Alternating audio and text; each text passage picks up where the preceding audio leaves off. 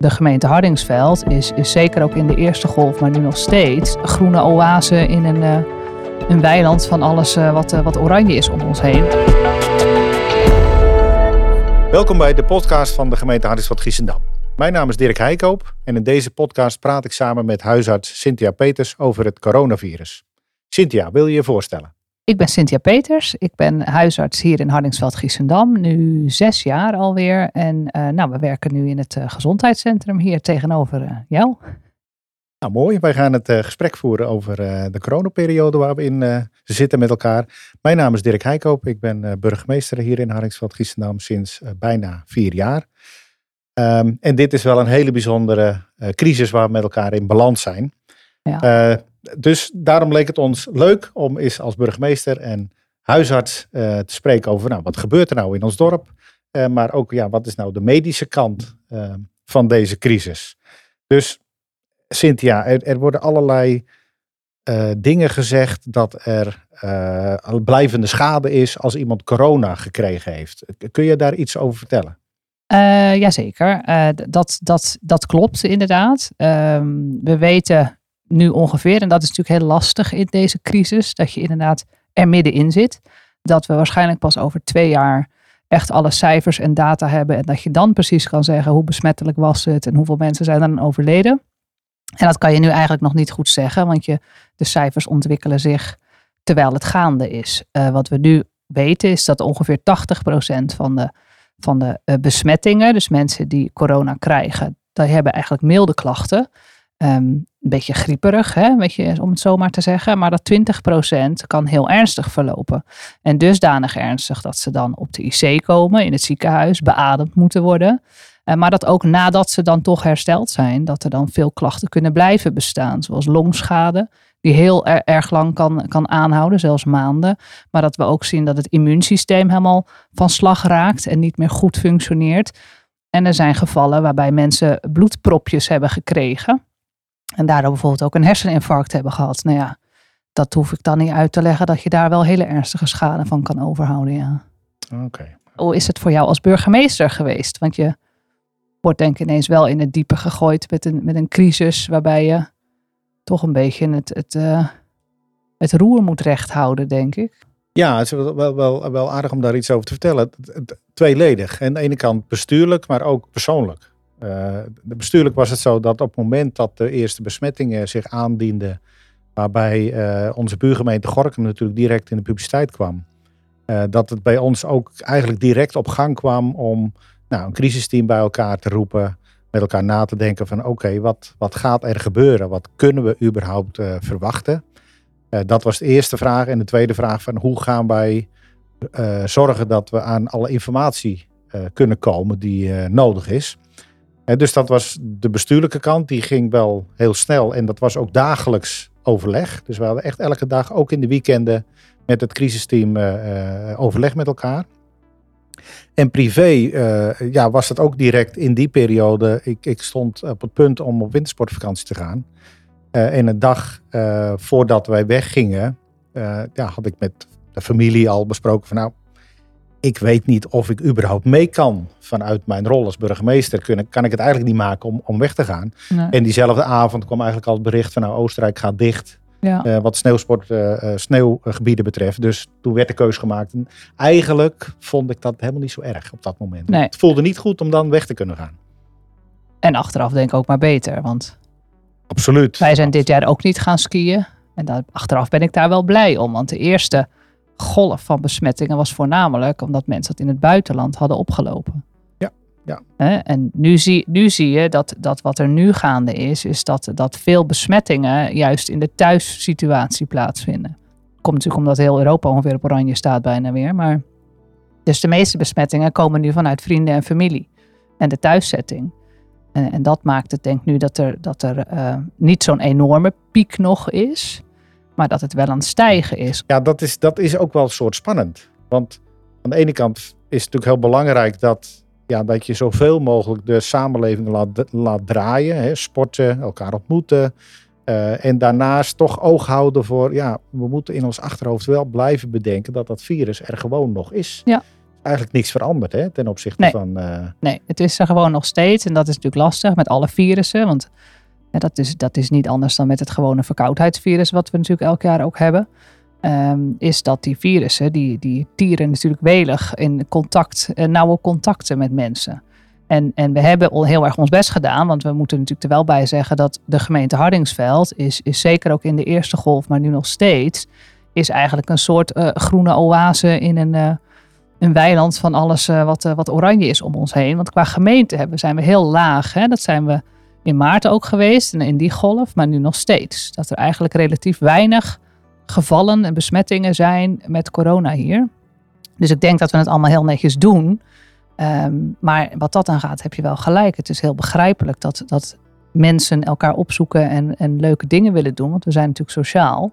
Maar het lastige is, is inderdaad dat zo'n virus, ja, die vindt dat geweldig. Want die, die, die heeft daar baat bij. Die heeft er baat bij om zichzelf te kunnen verspreiden. En die heeft daar in dit geval de mens voor nodig. Kun je uitleggen waarom dat jongeren op de een of andere manier minder ziek of minder snel ziek of minder klachten hebben? Is dat, is dat medisch ook te verklaren? Ja, ehm, ze zijn jonger. Dat is eigenlijk de, het meest simpele antwoord. En dat, dat wil zeggen dat daarmee de afweer, het immuunsysteem, en dat is het systeem in ons lijf, wat eigenlijk de zorg voor draagt dat alles wat niet bij ons hoort of vreemd is, dat dat aangevallen wordt, dat is jonger. En dus daarmee actiever en vitaler en sterker. En als we ouder worden, ja, dan wordt alles ouder. Eh, en dus ook de afweer en het immuunsysteem. En dat is dus waarom ouderen eigenlijk sowieso al gevoeliger zijn voor infecties, van welke aard dan ook. En dat jongeren vaak eigenlijk weinig klachten hebben. Die, die vliegen er een beetje doorheen en die hebben inderdaad een beetje snotneus. En dat is het. Uh, maar als, in, als je iemand, uh, ja, 80-jarigen, die hebben gewoon veel minder weerstand. Daarnaast zijn jongeren over het algemeen uh, gezonder. En daarmee bedoel ik dat ze vaak minder onderliggende uh, ziektes hebben.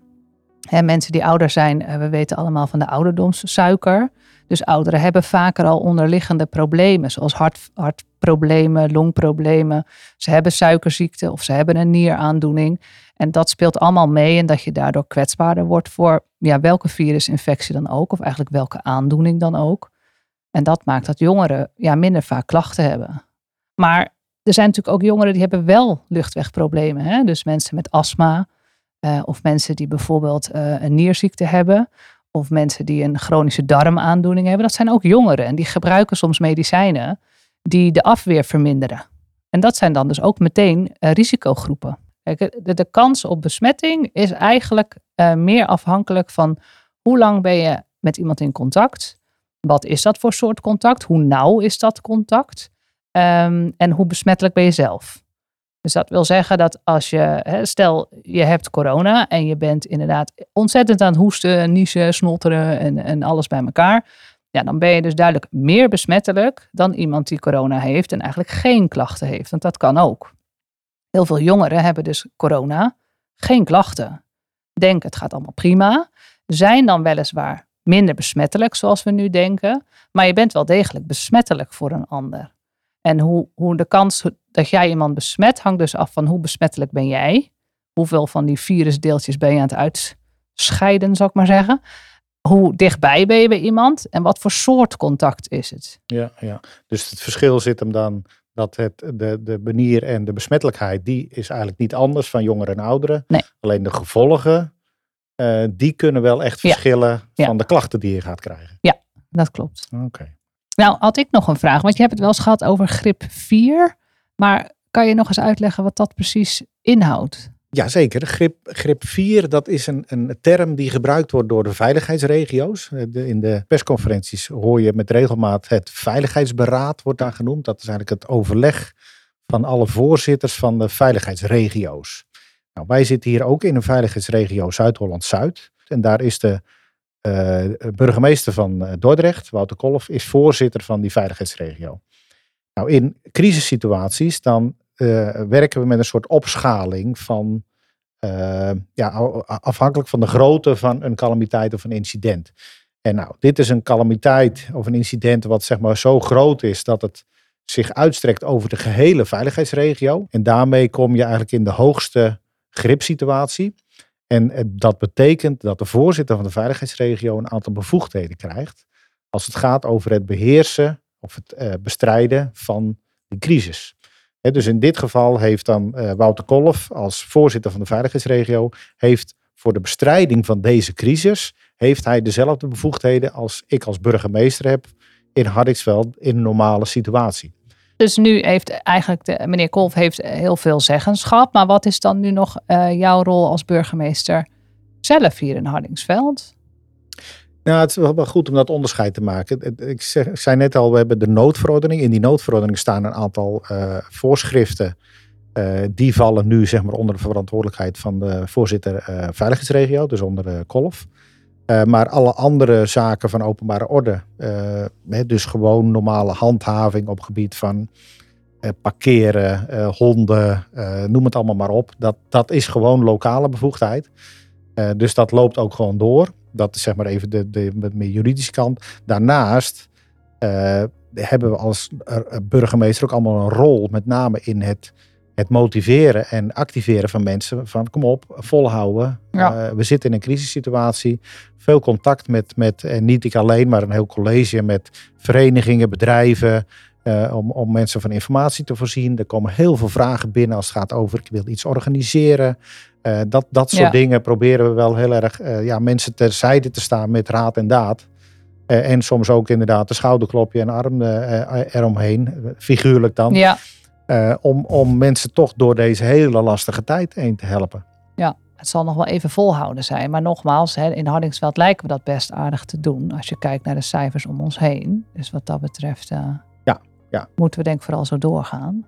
We hebben de, de eerste maanden hebben we heel lang op ongeveer een 30 besmettingen gezeten. Dat is toen op een gegeven moment in een paar weken tijd is dat naar ongeveer 60 eh, geklommen. Daar zitten we nu nog steeds op. Tenminste, dat is dan wat er getest Mhm. is. Hè. Dat zegt nog niet alles over de werkelijkheid. Eh, maar al die testen, hoe, hoe gaat zoiets nou in zijn werk? Ik hoor altijd van mensen dat het heel erg vervelend is om, eh, om die test te ondergaan. Kun je, kun je dat uitleggen? Het is natuurlijk niet eh, super prettig, maar is het vervelend of pijnlijk? Nee, dat is het niet. De, de test wordt afgenomen door een wattenstaafje. Hè, zo moet je het eigenlijk zien. Dat is, dat is een speciaal wattenstaafje met een, met een vrij lang stokje. En dat is omdat die achter in de neus komt. En daarnaast ook achter in de keel. En is, er worden op twee plaatsen wordt er eh, eigenlijk materiaal afgenomen. Er wordt, er wordt over het slijmvlies gegaan om te kijken of daar eh, het virus zit. Dat wattenstaafje dat gaat dan achter in de neus, achter in de keel en die wordt opgestuurd. En dan weet je eigenlijk met 24 of 48 uur de uitslag. En die krijg je persoonlijk dan toegestuurd. Volgens mij wordt er gebeld. Oké. En, eh, en tot die tijd moet je dus binnen blijven. Ja, want dat is dus nadat je getest bent, is het eigenlijk de bedoeling dat je binnen blijft of Ja. thuis blijft totdat je de uitslag hebt. Ja. Oké. Een keer moet je laten testen als je klachten hebt. En, en nou hadden we het net over, eh, ja, mensen willen elkaar toch graag ontmoeten, eh, spreken, leuke dingen doen met elkaar. Ehm, als we nou een boodschap mee willen geven hè, aan, aan eh, misschien wel juist de jongere mensen onder ons, waar, waar zouden ze dan rekening mee moeten houden? Om dat op een veilige manier te doen. Ja, met afstand. Denk dat dat, eh, dat, dat de, de grootste tip is die je kan geven. Ehm, met name omdat, dus, omdat we weten dat jongeren eh, soms geen klachten kunnen hebben. Die hebben wel corona, maar eigenlijk geen klachten. Die voelen zich prima. Gaan dan natuurlijk in contact met anderen. Maar dan, zoals ik net al zei, is dan de kans dat je iemand anders besmet het grootst als je in nauw contact bent en, en voor langere tijd. Ook als je geen klachten hebt. Want je, zit, je ademt wel. Tenminste, dat hoop ik toch. Dus eh, ja, dan, dan, dan wasem je wat uit. En, eh, daar zitten natuurlijk ook deeltjes bij.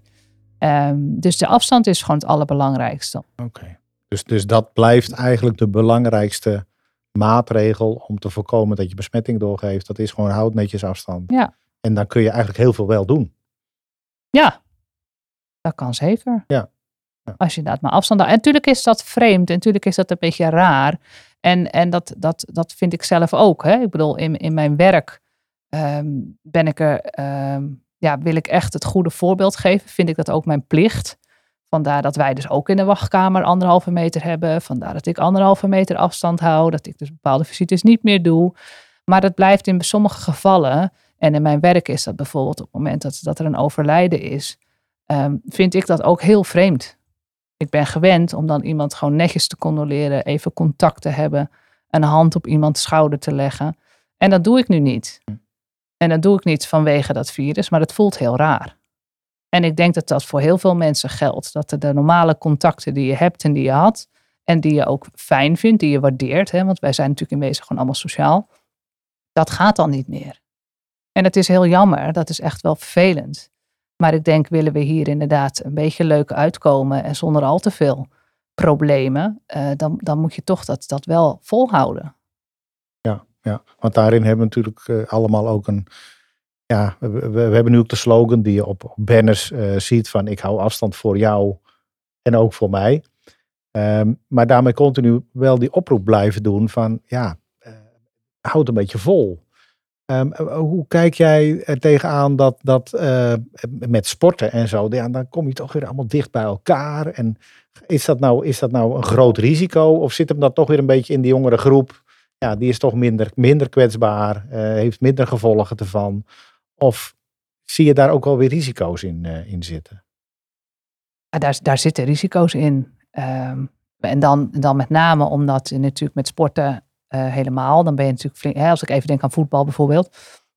Ja, je bent toch flink aan het rennen en aan het hijgen en aan het doen en aan het zweten. Over het algemeen ben je natuurlijk, heb je snelle, korte contacten. Maar je bent soms wel in nauw contact met elkaar. En omdat we weten dat jongeren soms geen klachten hebben. En dus gewoon lekker gaan sporten. Wat, wat ook, hè, dat moet ook zeker kunnen. Maar er is een zeker risico. Kijk, en dat risico is voor de jongeren zelf dus niet zo groot. Tenzij uh, iemand tussen de 20 en de 29, want dat is nu de grootste uh, groep waar de besmettingen plaatsvinden. Terwijl die, tenzij die zelf ook risico loopt, hè, zoals ik net al aangaf. Maar wat je niet moet vergeten is dat hè, de meeste jongeren hebben ook familie. En hebben ouders en opa's en oma's. En hebben misschien in hun kennissenkring iemand die aan de chemo zit. Of die een auto-immuunaandoening heeft, misschien niet te moeilijk wordt. Die een afweerprobleem heeft en, en daar is dan natuurlijk uh, het risico groter voor. En dat je dan met elkaar op het sportveld staat en lekker bezig bent, dat heeft een zeker risico. En niet zo eens zozeer voor de mensen die daar op het veld staan. Maar zorg er dan in ieder geval voor dat als je weer thuis bent, dat je afstand houdt tot die andere mensen die ik net noemde. Ja. Want als je zelf besmettelijk bent en je hebt geen klachten, een ander kan door, doordat hij door jou besmet is en ouder is en risicovoller is, wel heel erg ziek worden. Ja, ja. Ja, oké. En daar, nou, daar, proberen we, daar proberen we als gemeente ook een beetje op te sturen. Hè? Dat we, uh, er zijn allerlei protocollen, met name ook voor de verenigingen, voor sportverenigingen. Uh, waarin we proberen de, de, uh, ja, ook de vereniging te overtuigen van probeer die regelgeving nou zo goed mogelijk ook te implementeren in je, in je sportdagen. Uh, met, met ruimtes in de, in de uh, kleedkamers, ja. uh, in de kantine. Iedereen moet zich melden, hè, vaak via een QR-code of op een andere manier dat je dat bekend is dat je daar geweest bent, zodat daar, als er een besmetting is, in ieder geval ook de contacten hm. te vinden zijn. heb je een idee hoe, hoe, hoe, loopt dat met zo'n BCA, noemen ze dat volgens mij? Een bron- en contactonderzoek, BCO. Ja. Bron- en contactonderzoek, hoe, hoe gaat zoiets in zijn werk, weet je dat? Uh, daar weet ik wel iets van, niet het hele fijne. Maar uh, wat de GGD dan doet, want dat is eigenlijk uh, een, een, een functie die de GGD uitvoert, is dat op het moment dat iemand positief is, dan wordt er dus gekeken naar de contacten die diegene heeft gehad. sinds de besmetting, hè, sinds dat hij besmettelijk is en sowieso 48 uur daarvoor. Um, want we weten dat iemand die dus inderdaad nu klachten heeft, waarschijnlijk twee dagen daarvoor ook al besmettelijk is, ondanks dat hij op dat moment nog geen klachten had. Dus er wordt gekeken naar met wie is diegene in contact geweest. En met name met wie is diegene in nauw contact geweest. dus, dus langer en op korte afstand. Maar ook met wie is diegene in contact geweest. Bijvoorbeeld in een kantine. Waar je dan wel op anderhalve meter stond. Maar waar je met z'n allen lekker twee uur stond na te borrelen ja, ook die mensen worden dan benaderd door de GGD om uh, zich te laten testen. Ah, Oké, ja. Nou hoor je wel dat, uh, dat, dat langzaamaan dat bronnencontactonderzoek een beetje aan het te, groot wordt. Hè? Het, is te omvangrijk, dus we kunnen niet meer alle mensen bereiken die waar wel contacten mee uh, geweest is. Zitten we dan op een soort kritisch punt? Hè? Dat op het moment dat je die bron- en contactonderzoeken niet meer kan afronden, dat je dan eigenlijk in een soort ja, uh, luchtledig komt te zitten. Van je, we weten eigenlijk niet meer hoe dat besmetting zich mm, ontwikkelt. Ja, en wat je dan dus gaat krijgen is wat we in het begin ook hebben gehad. Toen de, toen de eerste golf er was. Uh, is dat dan wordt gezegd, nou dan moeten dingen dus weer dicht. Want als wij niet meer kunnen opsporen waar het allemaal vandaan komt. En als we al die mensen niet meer kunnen benaderen. Gewoon omdat de capaciteit uh, overloopt. Ja, dan zal je moeten besluiten om dingen niet meer door te laten gaan. En dat is natuurlijk heel jammer, want dan, dan, ja, dat, die eerste paar maanden vond niemand leuk. Nee. nee. Dus als we dat niet zouden hoeven doen, is dat alleen maar fijner, denk ik. Ja, oké. Dat is dan, dan nou, dat, dat is dan ook een soort oproep van, ja, laten we zorgen dat dat contactonderzoek gewoon goed blijft verlopen. Dan hebben we zo lang mogelijk in ieder geval uh, dat virus in, in de greep. Maar wees daar dus ook wel zuinig op met elkaar. Ja, en, en, en de oproep een beetje, laat je testen als je klachten hebt. En niet als je geen klachten hebt. Want dat is natuurlijk ook voorgekomen. Dat de, dat de, de teststraten van de GGD's die zijn best wel vol. Je moet soms echt wel een aantal dagen wachten voordat je terecht kan. Dat is natuurlijk heel jammer. Uh, maar we hoorden dan ook van mensen die dachten van ja, laat ik me maar laten testen. Want uh, dan weet ik in ieder geval of ik het wel of niet heb. Terwijl er geen klachten waren. Dat is begrijpelijk. er, zijn, er zijn bijvoorbeeld, zoals je nu ziet in de Tour de France, ja, die, die renners worden ook elke keer getest. En dat heeft er natuurlijk alleen maar mee te maken dat ze niet willen dat daar het, coronavirus uitbreekt, omdat dan, wat is het, een miljoenencircus van de Tour de France niet meer door kan gaan. Dus daar zit natuurlijk zeker een economische gedachte achter. Uh, dat, is, dat is in het dagelijks leven natuurlijk niet nodig. Laat je testen als er klachten zijn, maar niet als er geen klachten zijn. Want dan ga je die teststraat overvullen en dan komt het dus op een gegeven moment in het nauw. Want die GGD die doet die testen, maar die doet ook het bron- en contactonderzoek. En mensen kunnen zich niet in tweeën delen. Dus als, het, als er geen capaciteit meer is, dan houdt het ergens een keer op. Ja, ja en daar zit dan het kritische ja. punt. We zijn nu aan het einde gekomen van deze podcast. En dan wil ik natuurlijk eerst onze huisarts Cynthia Peters hartelijk danken voor jouw bijdrage. Heel graag gedaan. Jij ook bedankt. Ook graag gedaan. Uh, hiermee is uh, deze podcast dus uh, beëindigd. En ik hoop dat je met deze informatie je ook voor kan stellen hoe belangrijk het is om je aan de afspraken te houden. Succes allemaal!